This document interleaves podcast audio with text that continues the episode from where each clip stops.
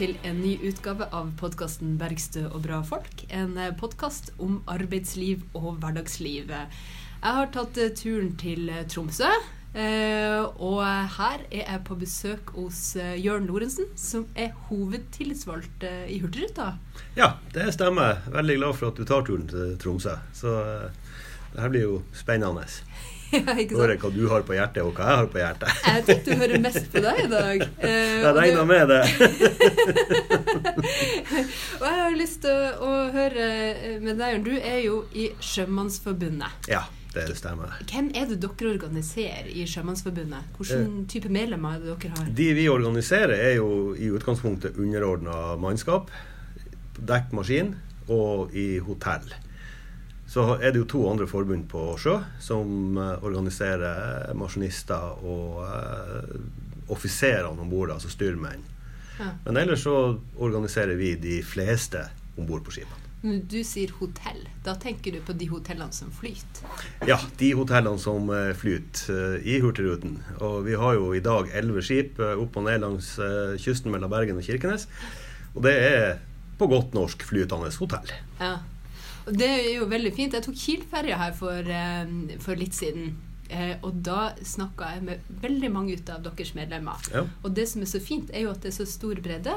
Fordi at man gjør jo veldig mange ulike oppgaver eh, på en båt. Ja, Og alle snakka med var organisert. ja det er Vi har nok ikke i Hurtigruten like stor organisasjonsgrad som, eh, som Kiel-båtene. Det er litt forskjellige årsaker til det, men, men vi har øka organisasjonsgraden de siste årene ganske mye. Fra jeg overtok som hovedtillitsvalgt, så var vi faktisk under 500 medlemmer, og nå nærmer vi oss eh, 700. Av hvor mange da? Eh, totalt på sjøen eh, er vi, som vi organiserer, ca. 1100. Og så, er det, så organiserer jo Maskinistforbundet og Offisersforbundet en del, da. Hva er det dere har gjort for å få flere medlemmer de siste årene? Jeg tror det viktigste i jobben er faktisk synlighet. Det å vise at man jobber for medlemmene. Store utfordringen til forbundene, og ikke minst de tillitsvalgte, er, føler jeg, at det er vanskelig å kombinere full jobb med eh, tillitsverv. Jeg har vært så heldig at jeg har blitt frikjøpt i en periode der det har vært 60 frikjøp som tillitsvalgt, og har kunnet brukt den tida til skipsbesøk, til å oppsøke medlemmer og være mer tilgjengelig for medlemmene våre. Og det tror jeg òg gjør noe med organisasjonsgraden. Hva er det du bruker som argumenter for at folk skal, skal organisere seg? Eh, ofte brukt argument faktisk er det at eh, Som jeg bruker, da. Det at du er villig til å forsikre eh, bil, du er villig til å forsikre hus, men arbeidsforholdet ditt tenker du aldri på å forsikre. Og det er jo et medlemskap i, et, i en organisasjon er jo også ei forsikring på arbeidsforholdet ditt.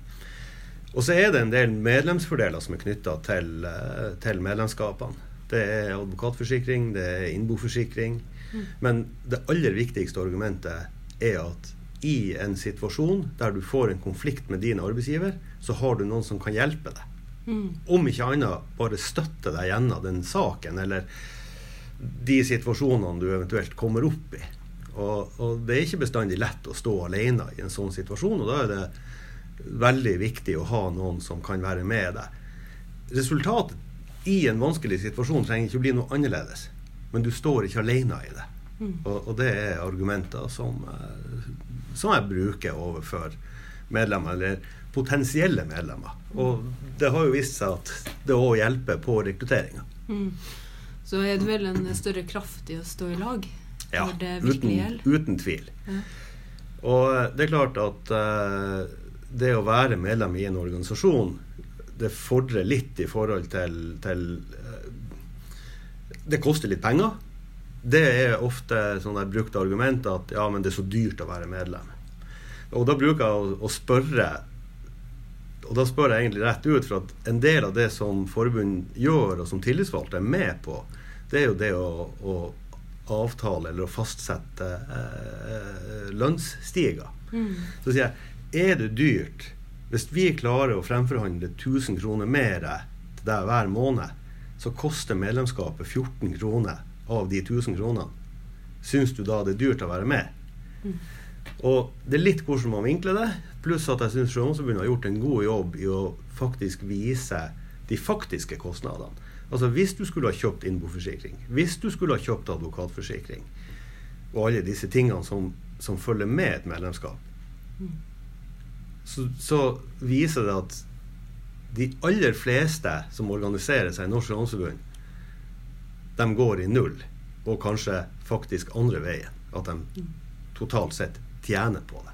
Litt som velferdsstaten. Vi, ja. vi, tjener alle på å betale skatt for skole og ja, man helse. Gjør jo det. Man gjør jo det. Ja, spleiselag er jo alltid det beste for flertallet. Helt klart. Men som tillitsvalgt uh, i, i Hurtigruta, hva er, det, hva, hva, hva er det for slags utfordringer er du, du møter der? Nei, Utfordringene der er mange.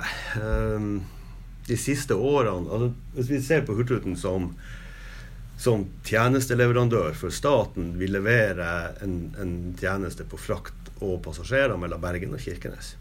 Det er en tjeneste som staten kjøper, og som er lagt ut på anbud. Og Hurtigruten har i de årene de har gått opp og ned langs kysten, vært på anbud. Så, så det er ikke noe nytt, det er ikke noe som har skjedd, skjedd nå. Men det som er nytt, og det som er veldig spesielt nå, det er at fra 1.1.2021 så får Hurtigruten en ny eh, konkurrent på kysten som skal konkurrere i kystruta Bergen-Kirkenes. Hva, hva, mener du med konkurrent på kystruta? Ja, vi, altså, kystruten er jo den ruta som trafikkeres mellom Bergen og Kirkenes. Mm. Og som på en måte er anbudsutsatt. Som har både gods og passasjerer? Gods og passasjerer. Eh, godstrafikk på hele ruta? Nei, det er feil. Vi har passasjertrafikk på hele ruta, og så er det krav til gods fra Tromsø til Kirkenes og tilbake til Tromsø. Uforståelig for meg at det ikke er på hele ruta, men, men det er en annen sak. Mm. Den ble lagt ut på anbud, delt opp i tre pakker, der én pakke består av tre skip, og to pakker består av fire skip, som da skal trafikkere mellom Bergen og Kirkenes. Hurtigruten fikk tildeling på to pakker. En på tre og en på fire skip. Og et selskap som heter Havila Kystruten fikk et tilslag på én pakke på fire skip. Havila Kystruten måtte da bygge fire nye skip. Og har i dag to skip under bygging. Er i oppstart av bygging av to til. Men hvis vi sier at vi er nå i mars måned, mm. Og to av skipene er ikke påbegynt, og to av skipene er ikke halvferdige, så er bekymringa mi faktisk at de fire skipene ikke leveres tidsnok til oppstart i nytt anbud fra 1.1.2021. Og det betyr selvsagt en kjempeutfordring, fordi at det vi heldigvis er enige om, er at der ligger en virksomhetsoverdragelse på de fire skipene som Hurtigruten mister i kystruta. Mm. Og Det betyr at vi da har sikra at det mannskapet som er på de skipene, får jobb hos Havila. Men bekymringa er jo hvis de ikke har skip, hva skal de da jobbe med? Og hva skal frakte godset og personene? Ja, det er jo det som da er igjen, det er jo de syv skipene som Hurtigruten har, som fortsetter, fra, fortsetter i ruta etter 1.1. Havila i verste fall har ingen skip. Det er jo et håp om at de to skipene som de har under bygging, er ferdig. Og så vet vi jo ikke hva som skjer. For det er iallfall helt åpenbart at de får ikke fire nye skip. Det, Du, du, frykter at medlemmene i Sjømannsforbundet og, og sjøfolka blir, blir, stående uh, uten jobb? Jeg frykter at de fra 1.1 i hvert fall blir permittert i en periode. Og så er det jo noen retningslinjer og grenser for hvor lenge de kan være permittert for de kan sies opp. Hvordan er de reglene der? I utgangspunktet så har de vel fortrinnsrett til jobb i ett år. Og hvis da skipene blir mer enn ett år forsinka, så frykter jeg jo at det blir oppsigelser. Eller i verste fall at de som går over må kanskje jobbe på andre plasser. Altså Havila er jo et stort konsern som har flere både ferger og, og, andre båter. Men det er jo en kjensgjerning at Havila som konsern òg sliter både økonomisk og på anbudssida i forhold til Fjord 1. Det har vært masse spekulasjoner. Havila Kystruten har sagt uh, at uh, de kanskje vurdere fusjon mellom, mellom Fjord 1, som er et av Norges største fergeselskap, med Havila Kystruten. Men det er ikke bekrefta. Det, liksom, det, det, det, blir veldig mye spekulasjoner. Og, og, frykten min er rett og slett at vi får overtallighet etter 1.1. Mm. Og at vi da får permittering og i verste fall oppsigelser. Men det her eh, konkurranseutsettinga på eh, kystruta, er det noe nytt? Nei, det er ikke nytt. Så det har man hatt hele, hele veien, men bare at Hurtigruta har klart å vinne dem, da? Ja, det, altså, Hvis vi går tilbake i historien, så Det første anbudet som ble, ble uh, lyst ut, var basert egentlig på at postgangen nordover var så dårlig mm. at det var en nødvendighet for staten å gå inn med midler. Ja, nå er den dårlig igjen. Takket være regjeringa. ja, det kan du si. Gjenta litt historien, kanskje.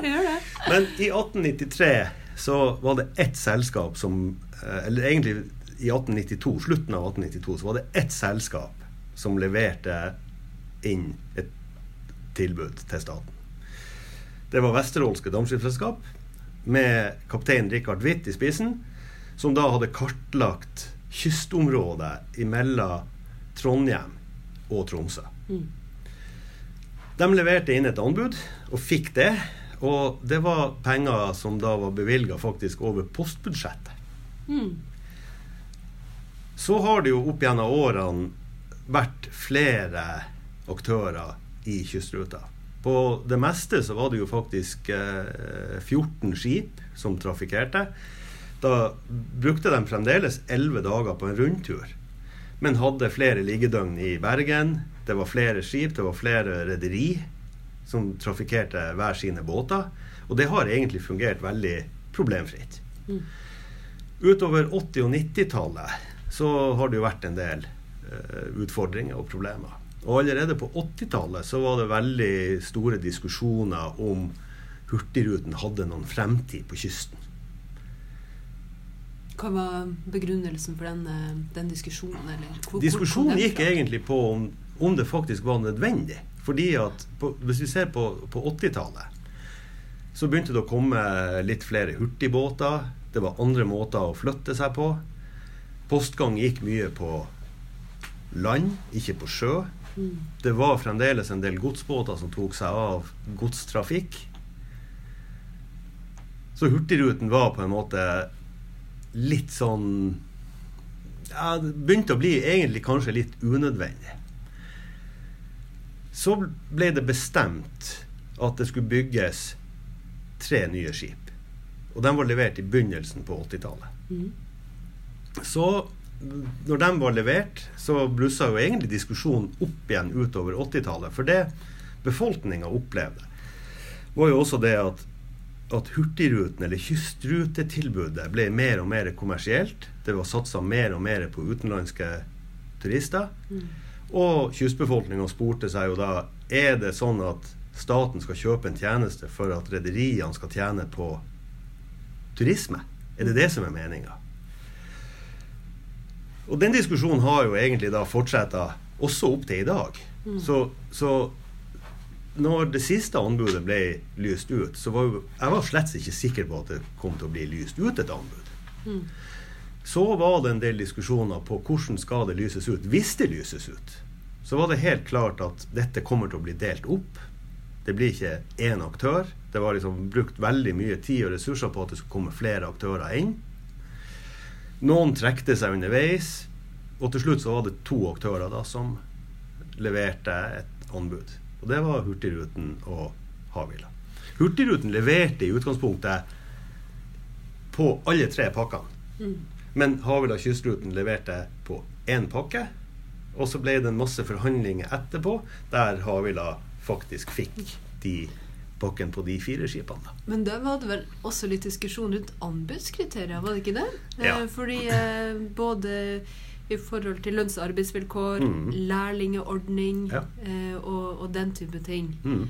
Eh, hvordan, eh, kriterier var det som, som, som kom i det, eh, det anbudet? Det, det som er litt eh, rart, det er at i anbudet så, på det, på det, og, og det her er det som gjør min jobb som tillitsvalgt på sjø litt sånn spesiell. For at Mm.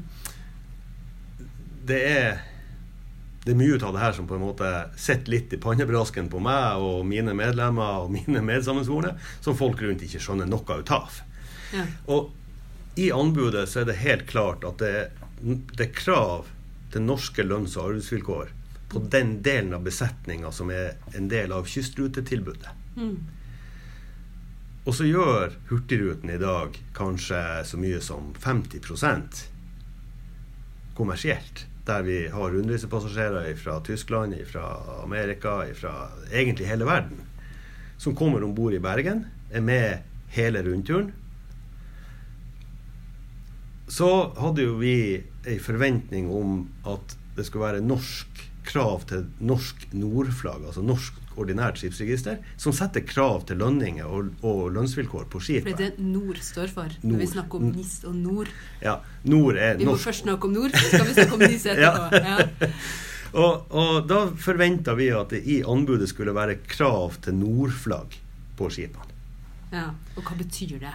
Det betyr at da er det krav til norske lønns- og arbeidsvilkår på hele skipet. For alle som For jobber alle som jobber om bord. Men når du da leser i anbudet at det er krav til norske lønns- og arbeidsvilkår på den delen av besetninga som direkte inngår i anbudet, så blir det iallfall rom for å begynne å spekulere. Mm. Hva med den besetninga som er utafor? Og det brukte vi mye tid på, både med møter i departementet, flere møter med rederiet. Rederiet, da Hurtigruten, som jeg representerer som uh, tillitsvalgt i, ville jo egentlig ikke svare på det, men svarte jo litt sånn at vi har ikke noe ønske om å flagge ut. Og det er jeg jo glad for. Men allikevel så blir det på en måte rom for å spekulere. For dette koster penger til syvende og sist. Mm.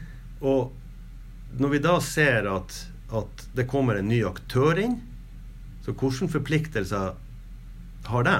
De har, frem, de har også en forpliktelse til å ha norske lønns- og arbeidsvilkår på den besetninga som inngår i kystruta. Hva ville de gjøre? Så blir det egentlig mye spekulasjoner, og kanskje mye unødige spekulasjoner. Nå har i prinsippet begge rederiene bekrefta at de skal gå på norsk nordflagg. Mm. Betyr Men- det at dere er betrygga av det? Eller? Ja og nei. at, og, og jeg sier nei Ja. eh, fordi at begge rederiene skal gi en garanti for dette seks måneder før oppstart. Og det er 1. juli. Og vi er ikke kommet dit ennå. I år. For oppstarten er 1. januar til neste år. Og da først da skal det gis en garanti for dette. Mm. Så jeg er jo ikke trygg ennå. Du er ikke trygg ennå? ja. Jeg har bare lyst til å si også Hurtigruten er i dag Norges største maritime opplæringsbedrift. Som tillitsvalgt så er jeg utrolig stolt av det. Vi har hatt lærlinger over flere år. Vi har eh, maritime opplæringsstillinger på alle skipene våre. Og så ligger det Vi har ca. i dag 200, eller vi har over 200 lærlinger I Hurtigruten. i Hurtigruten. Og så ligger det krav til lærlinger i det nye anbudet. Mm. Og da er det, krav, er det krav til fem lærlinger Totalt? per skip. Per skip? Ja. Det betyr 55 lærlinger på de elleve skipene. Vi har fire ganger så mye, og vel så det. Så kaller man det krav når man egentlig går ned i standard? Ja, og, og det er jo det som på en måte skaper de spekulasjonene. Hva er det egentlig eh, regjeringa ønsker? Hva er det egentlig anbudet hva, hva vi vil med anbudet? Jeg tror helt ærlig at viljen var mye større til å få delt det på flere aktører enn å faktisk sikre en leveranse. Hurtigruten har visst gjennom flere år at vi er kapabel til å levere tjenesten. Vi får litt kritikk fordi at eh, Hurtigruten kansellerer anløp en del. Ja. Men det er basert på faktisk en del nødvendige både verkstedopphold Mm. i forhold til, til vedlikehold på skip, men ikke minst det at, at Hurtigruten tar mye større ansvar i dårlig vær. Og det er jeg faktisk også glad for. Ja. Vi skal heller kansellere et anløp i dårlig vær enn å, enn å stå med, med et havarert skip pga. det samme. når man liksom fra lokale, lokale forhold sin side da, eh, kritiserer Hurtigruta sin, eh, sin- sin manglende eh, anløp, så er det jo så sier jo folk at nei, nå er det jo finvær, og det er ikke noe problem, og eh, hvorfor i all verden eh, Det er knapt så at eh, småbåtene i havna rører på seg, og Ja. så kommer ikke Hurtigruta inn. Nei, og, og det kan man godt si, og, men jeg tror ofte at værforholdene er litt annerledes hvis du står på kaia i Vardø eller Vadsø, enn at vi velger å legge skipet i Honningsvåg fordi at det er full storm på Øst-Finnmarka. Og så er det Altså, Fordi man ikke ser det inne i havna. ja. Ja, hvordan været er der ute. Altså, altså når vi runder kan vi si, på vestsida og, og på en måte går, går østover, så kan han være ganske, ganske heftig. Mm. Men når du kommer inn til Kirkenes, og inn mot Kirkenes, Vardø, Vadsø, så er det stille og fint. Og det er det vi ser, eller de som står på kaia i Kirkenes og sier at ja, men her er det jo finvær. Ja. Jeg, ble, jeg handla hos eh, isbilen hjemme, eh, og da eh, var han så fortvila, han Ja. som driver isbilen, da, fordi at eh, han hadde ikke eh, nok forutsigbarhet i, i, i varene sine. Og jeg tenker jo at den klaginga er jo også et veldig viktig signal på hvor viktig dere er. Faktisk. Eh, for dere leverer jo eh, varer som næringslivet og som lokalsamfunnene er helt avhengig av. Mm. Og det er jo derfor vi, vi er så opptatt av at Hurtigruta skal bestå, at det skal være forutsigbarhet i nettopp det, Ja. eh, det tilbudet som, eh, som er i dag i forhold til godstransporten. godstransporten. Og det skal mye til for at vi ligger i ro med skipene. Da er det basert på uh, dårlig vær. Veldig dårlig vær. Men vi har òg vært en aktør f.eks. Eh, i fjor vinter i Havøysund. Der var all kommunikasjon til Havøysund stengt. Veien var stengt i over to uker. Eneste kommunikasjon Havøysund da hadde med omverdenen, var Hurtigruten. Og de gikk hver dag. Mm. For det var ikke været som var grunnen til at eh, Det var været som var grunnen til at veiene var stengt. Ja. Det var mye vind, men, litt, mer gunst, litt mer gunstig vindretning for oss å kunne gå i. ja. Så, så eh, vi trafikkerte der hver eneste dag hele vinteren. Og det var den, den kommunikasjonen som gikk til og fra Havøysund. Og den er jo mye brukt i Havøysund òg. Ja. Det er jo en veldig viktig transportåre. eh, Det er, det er mye gods til og fra Havøysund. Hawaiisund. Hawaiisund, som vi liker å si. Ja. det er helt rett. Men vi snakker om nord, og hva det betyr. Ja. Men så har vi jo også det her begrepet NIS. Ja. Og eh, da vet jeg ikke helt hvor jeg skal begynne, fordi at Du kan begynne med å si hva det betyr. Eh, det er et norsk flagg, men NIS står kort og godt for Norsk internasjonalt skipsregister. Ja. Og det betyr at Eller hvis man tenker Hva er NIS-flagget, og hvorfor er det oppretta? Det ble oppretta for at Norge skulle ha et flagg som kunne være konkurransedyktig i et internasjonalt marked. Det var aldri ment for å bruke hjemme på norskekysten, og derfor ligger det begrensninger også i eh, NIS-loven om bruk av NIS-flagg på norskekysten. Det betyr i prinsippet at du har ikke lov å seile med NIS-skip på kysten I Norge. i Norge. Mm. Men så kom det det som, det som er litt rart, det er at det kom ei oppmykning i NIS-loven med ei forskrift. Og da har egentlig forskrifta slått i hjel litt av intensjonen til loven. Oppmykning på politisk språk betyr jo ofte forverring. For, Ja, og, og, for, og, og for norske sjøfolk så er jo det på en måte ikke bare på en måte, men det er en forverring. For det som skjer da, det er at store aktører får lov å bruke NIS-flagg på norskekysten under forutsetning av at det er to utenlandske anløp før eller etter den operasjonen som skipet gjør på kysten. Og så ligger det en begrensning til, og det er jo det som på en måte gjør at kystruten ikke kan bruke NIS-flagg. Mm. Du har ikke lov å ta passasjerer mellom norske havner. Altså Du kan ikke gå med på med NIS-flagg. Du kan ikke gå på i Bergen og gå av i Trondheim. Men du, hvis skipet har vært på en operasjon i utlandet, kommer til Bergen, så kan du ta passasjerer om bord i Bergen.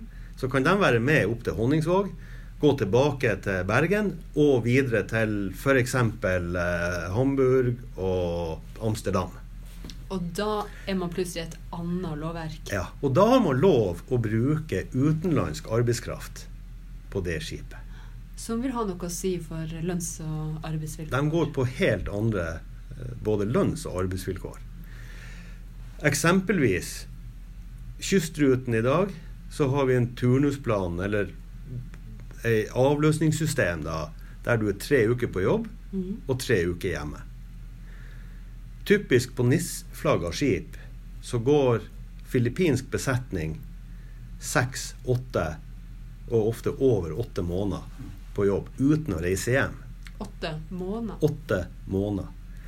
På samme skip kan det være norsk besetning som går fire uker, seks uker, og har like lenge fri, med betalt hele tida.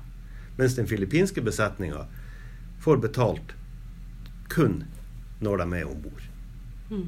Mens den norske besetninga har betalt når de er om bord, og når de er hjemme på fri. Så denne oppmjukninga eh, av, eh, av eh, NIS-regelverket innebærer egentlig en mulighet for eh, å drive med eh, konkurranse på lønns- og arbeidsvilkår. Ja. Det er nettopp det som, eh, som, ligger i det. Og så er det jo sånn at når, når det regelverket faktisk er sånn, så forventer jo vi at de aktørene som er på kysten, forholder seg til det. Og da kommer jo spekulasjoner på nytt igjen i forhold til at hvis vi ser nå, altså, Vi vet i dag at Hurtigruten som selskap har elleve skip på mm. kysten. Fire av de skipene skal ikke være på kysten. Eller i kystruta, er vel rett, mer riktig å si. Mm. Altså den ruta som driver med gods, og som ja. anløper alle havnene? Ja, så, og, og, og, og, som er et, et anbudsoppdrag. Der skal vi ha syv skip. Fire av de skipene som vi har der i dag, skal gjøre annen type operasjon. Hva skal de gjøre, da? Dem skal vi bruke i noe som så fint heter Explorer-trafikk. Explorer-trafikk. Ja. Da skal vi eh, bruke det. Ja, det er opplevelser. Opplevelser på kysten. Opplevelser i norske farvann. Opplevelser på Svalbard, Island, Grønland. Cruisetrafikk? Ja, egentlig kort og godt cruisetrafikk. Ja. Men med litt mer sånn opplevelsesri enn de tradisjonelle cruiseskipene som altså, i dag går Altså at man stopper og gjør ting? Ja, stopper. Det gjøres utflukter på land. Eh, vi har tenderbåter. Tenderbåt, hva er det for noe? Det er en båt som tar passasjerer eksempelvis eh, fra moderskipet, altså fra, mm. fra båten. Tar dem med i en sånn liten gummibåt. Går inn til land, eller går gjennom en litt kraftig strøm. Gjør opplevelser mm. utafor skipet, rett og slett. Og de båtene har helt andre krav til eh, arbeidstid og, og, og, lønn? Ja, for hvis de starter f.eks. igjen i Amsterdam, går Amsterdam, Hamburg, Bergen, og så går de Bergen-Honningsvåg og tilbake til Amsterdam f.eks., så opererer de på et annet regelverk og kan registrere båtene på NIS og bruke utenlandsk arbeidskraft. Hvordan forholder de seg til de, de reglene, da? Eh, det vi ser, og nå heldigvis så, så, ser det ut som at uh, Hurtigruten er i ferd med å endre retning på, på en del ting. Mm. Uh, de var ganske klar på at vi ønska å gjøre seilinger med start i Hamburg. Mm. Ett utenlandske anløp. Og gå hele norskekysten. Skipene var ønska registrert i NIS. Norsk Sjømannsforbund og, og, jeg som tillitsvalgt i Hurtigruten har hatt mange møter med, med Hurtigruten. Vi ser òg at uh, det er planlagt seilinger som starter i Bergen og skal gå til Honningsvåg. Mm. Bekymringa der har jo vært at Hurtigruten velger helt annet flagg. Eksempelvis Bahamas-flagg. Eller annet utenlandsflagg. Hva vil det ha å si, da?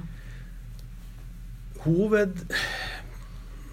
Si, den største forskjellen er at på sjøen så har vi noe som kalles veldig fint for flaggstatsprinsipp. Mm. Og det betyr kort og godt Hvis du har norsk flagg på båten, og det er uansett om det er norsk nord- eller norsk NIS-flagg, ja. så er det norsk lovgivning som gjelder om bord på skipet.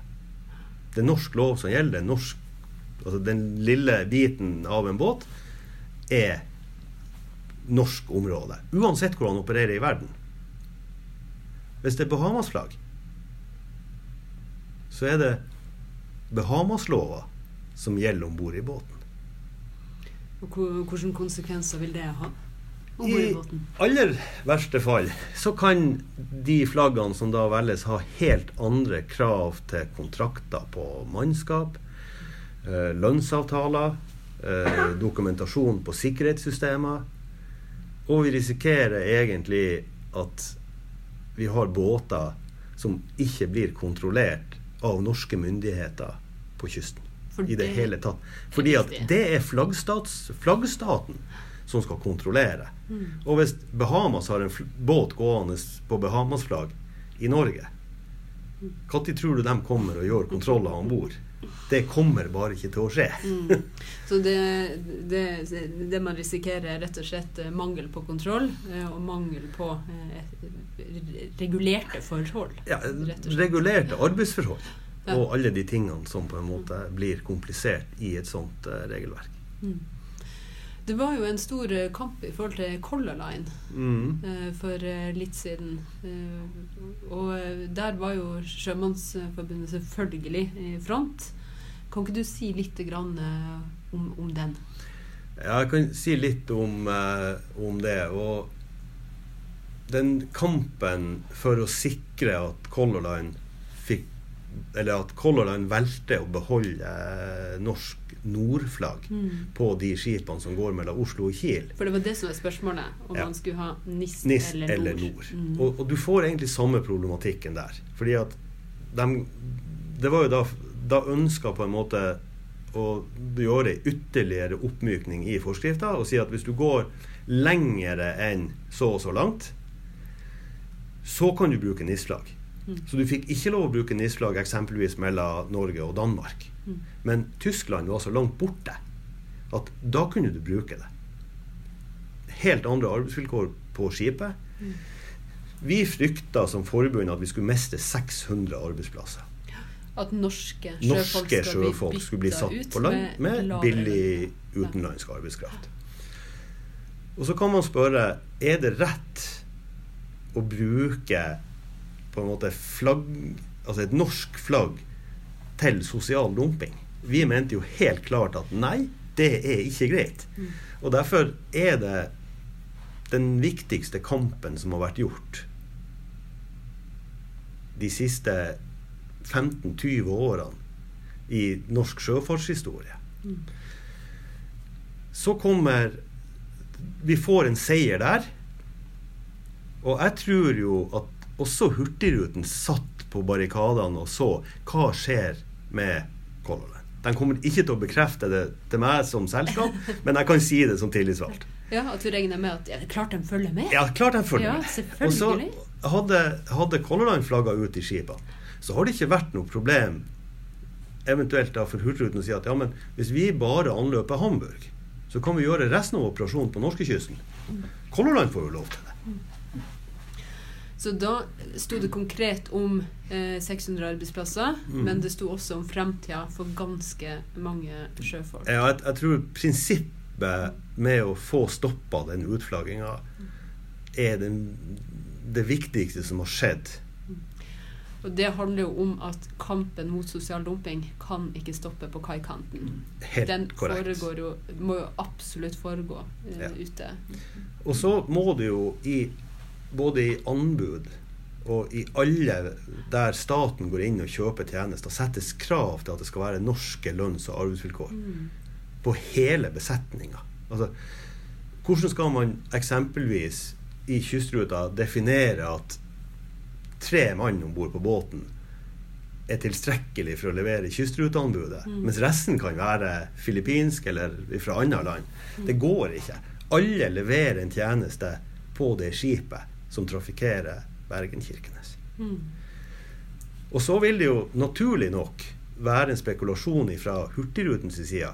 Når vi ikke har et anbud fra staten, hvorfor skal vi ha andre vilkår enn de cruiseskipene som vi ser anløpe Norge egentlig hver eneste dag etter hvert? Hele året. Det var en trafikk som bare for åtte-ti år siden var en sommertrafikk. Her i Tromsø så ser vi cruiseanløp hele vinteren. Det er nordlysturisme på, på vinteren, og det er tradisjonelle cruiseskip på sommeren. Men det er ofte de samme skipene som kommer. Vi ser stadig nye aktører som kommer inn og skal konkurrere og skumme i det markedet. Og det er klart, skal da Hurtigruten, eller Kystruten, for å, for å ta det, trafikkere mellom Bergen og Kirkenes og ha tre-fire ganger så høye lønn, lønnskostnader som de cruiseskipene som trafikkerer opp og ned. Og Derfor er det så viktig det som Norsk Sjømannsforbund i lag med Norsk Sjøoffisersforbund gjør, å kreve norske lønns- og arbeidsvilkår i norsk farvann og på norsk sokkel. Uavhengig av hvilket flagg det er. Hvordan eh, grep må tas for at man skal få en mye bedre regulering for å sikre nettopp det? Det må en lov på bordet som sier at for å seile i norsk farvann og for å levere en tjeneste i norsk farvann, om det er et cruiseskip, om det er en godsbåt eller uansett, så er det norske lønns- og arbeidsvilkår på det skipet. Hva er, hvordan er liksom en eh, vanlig uke for deg som tillitsvalgt? Oi. ja, eh, det vet jeg jo nesten aldri før mandagen starter. Og det er nesten på det nivået. Det er sånn at du er 60 Nei, nå, frikjøpt nå, nå er jeg faktisk 100 frikjøpt. Nå er du fullt frikjøpt. Ja. Jeg ble eh, 100% frikjøpt på papiret eh, 1. august i fjor. Ja. På papiret, sier du? Ja, Var det ikke i eh, praksis? Nei, i praksis eh, så var det ikke helt eh, 1. august, men, eh, men per i dag så er det, er det nok det. Ja. Eh, Jeg har jo en jobb i Hurtigruten, og, og jeg har jo vært frikjøpt fra seiling på skipene i ganske lang tid nå. Så jeg har jobba Når du sier du er frikjøpt fra seiling, betyr det at du bare går om bord når den er i havna? Også? Ja, jeg reiser med båtene en del. Jeg er ikke i noe fast turnus på tre uker på og tre uker av. Jeg bruker å si det sånn at nå går jeg turnus tre uker på, og så avløser jeg meg sjøl, så er jeg tre uker på og tre uker på. Eh, Jeg reiser med våre skip en del.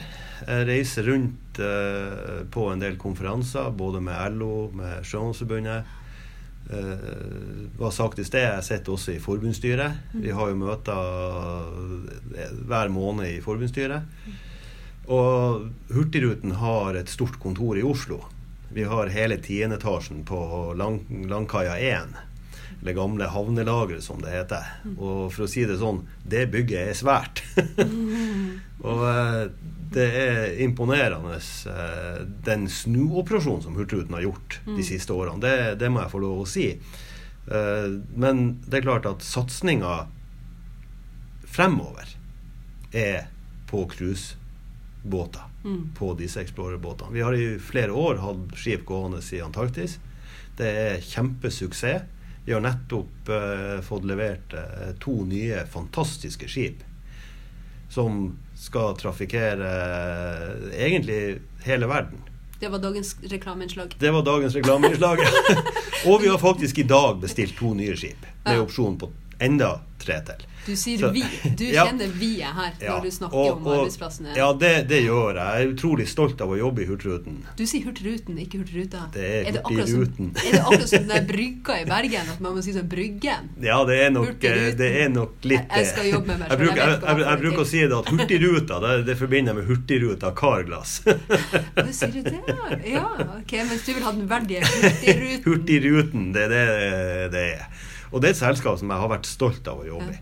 Det, Når du begynte der, hva, du, hva er det som er jobben din på Hurtigruta? Eh, Jeg begynte på Hurtigruten i 1984. Jeg skulle være et års tid. Og så er jeg ikke så veldig flink på det her med tidsregning, så jeg bomma litt der. Så eh, nå skal ikke jeg prøve å telle tilbake til 84 hvor mange år det er, men det begynner å bli 35 år. Ja. Vel 35 år har jeg vært i selskapet. Og eh, vært med på jeg bruker å si, alle oppturer, alle nedturer, bortoverturer, hitoverturer. I det hele tatt siden 84. Det har vært en fantastisk arbeidsplass. Og det er det i dag også. Når begynte du som tillitsvalgt? Jeg begynte som tillitsvalgt eh, et stykke ut på 2000-tallet. 2004-2005. Første, første kontakten jeg på en måte hadde med, med Norsk Sjømannsforbund sentralt, det var vel litt i 2009. 2010 tok det av. Da var jeg med på første landsmøte. Og så ble jeg faktisk valgt inn i forbundsstyret i 2014 og gjenvalgt nå i 2018. Så, så karrierestigen har jo kanskje vært eh, bratt. Utrolig lærerikt, utrolig spennende. Det å være hovedtillitsvalgt for Norsk Sjømannsforbund sine medlemmer i Hurtigruten er nok den mest spennende jobben. Eller jeg, jeg liker egentlig ikke å kalle det for jobb, for det er ikke det som er jobben min i selskapet. Det er en funksjon. Det er en funksjon. Der man får bety veldig mye i Ja. veldig manges liv. Ja, og det, jeg er utrolig glad for å ha den muligheten. Og jeg er utrolig glad for at selskapet, altså Hurtigruten, har gått med på en frikjøpsavtale der de betaler min lønn ut ifra den jobben jeg hadde når jeg ble tillitsvalgt. Bakgrunnen min er i Hurtigruten Jeg starta som bussegutt. Vaska panne, skrella potet. Og gjorde alt. På godt norsk skitarbeidet i busser eller på kjøkkenet. Tok etter hvert eh, kokkeutdannelse. Eh, stuertutdannelse. Har du flere fagbrev? Jeg har fagbrev som, eh, som eh, kokk. Og så har jeg det gamle stuertsertifikatet, som var på en måte Stuert om bord var på en måte det som vi i dag kaller for hotellsjef. Og den gang så var det i sertifikatpliktig stilling. Nå er det ikke det lenger i dag, så det er på en måte en litt sånn kuriositet å ha, da. Ja. Men jeg har det. og, så, så bakgrunnen min er Men jeg har, eh, jeg har fagbrev som kokk. I tillegg til, eh, til at jeg har eh, det som er det gamle kokkesertifikatet. Før var det veldig sånn atskilt sjø- og landutdannelse. På kokk? Ja. Der du på sjø hadde et kokkesertifikat, mens du på land måtte ha et fagbrev. Og det handler om å redde alt som fløy i lufta når det var sjø og dårlig vær. Ja, ja det, det var litt, litt andre krav til kokkesertifikatet som til fagbrevet. Ja. Men uh, når jeg tok uh, kokkeutdannelsen min, så tok jeg faktisk fagbrevet og sertifikatet samme året. Så jeg gikk egentlig på to parallelle kurs. Da, da, gikk jeg sånn åtte, åtte kurs for å ta fagbrevet. Og så gikk jeg det som den gang heter kokk med yrkespraksis. Gikk jeg i Bergen, av alle plasser. Bergen er en fin by. Bergen er en fantastisk flott by. by. Ja. Det kom det en veldig bra partileder eh, derfra også. Ja. Nå tenker jeg ikke på Erna Solberg, men, Ja, det var noe godt. men det er Audun Lysbakken, selvfølgelig. Men du, du har kanskje ikke alltid jobba i Hurtigruta. Jeg har et fast spørsmål eh, på denne podkasten, og det var rett og slett hva var din aller første jobb? Ja, det skal jeg fortelle deg. Eh, når jeg var Jeg gikk i åttende klassen. Da tenkte jeg at nå begynner jeg å bli så stor, og så fikk jeg så altfor ofte nei når jeg var og spurte om penger hos min gamle moder og min gamle fader. Det er rart med det. Det er rart med det. Vi var en søskenflokk på tre. Eh, Fattern var uteseiler, og moderen jobba da som frisør. Og hadde, vi hadde ikke altfor god økonomi, så jeg tenkte at det er på tide at jeg begynner å tjene mine egne penger. Så jeg begynte å gå med aviser. Så jeg gikk ei fast avisrute der som vi bodde i Kroken rett utenfor Tromsø. Og da hadde jeg ikke ei avisrute, jeg hadde to. jeg syntes det var kjedelig å bare ha ei, og så ble det lite penger ut av det.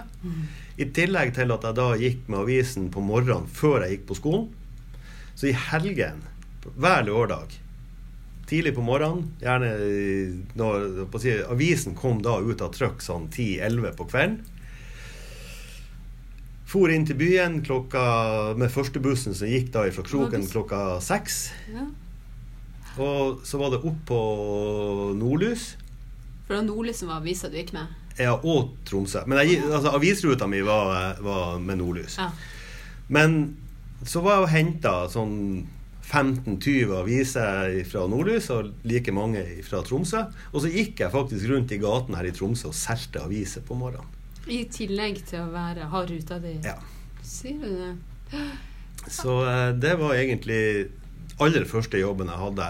Du, takk for at du ville være gjest her. Ja, veldig koselig. Da ønsker vi deg som hører på en riktig god dag. Så håper vi at du eh, står i lag med Sjømannsforbundet og eh, fagbevegelsen. Eh, og eh, ja, den brede arbeiderbevegelsen for eh, norske lønns- og arbeidsvilkår for sjøfolk. Ha en nydelig dag.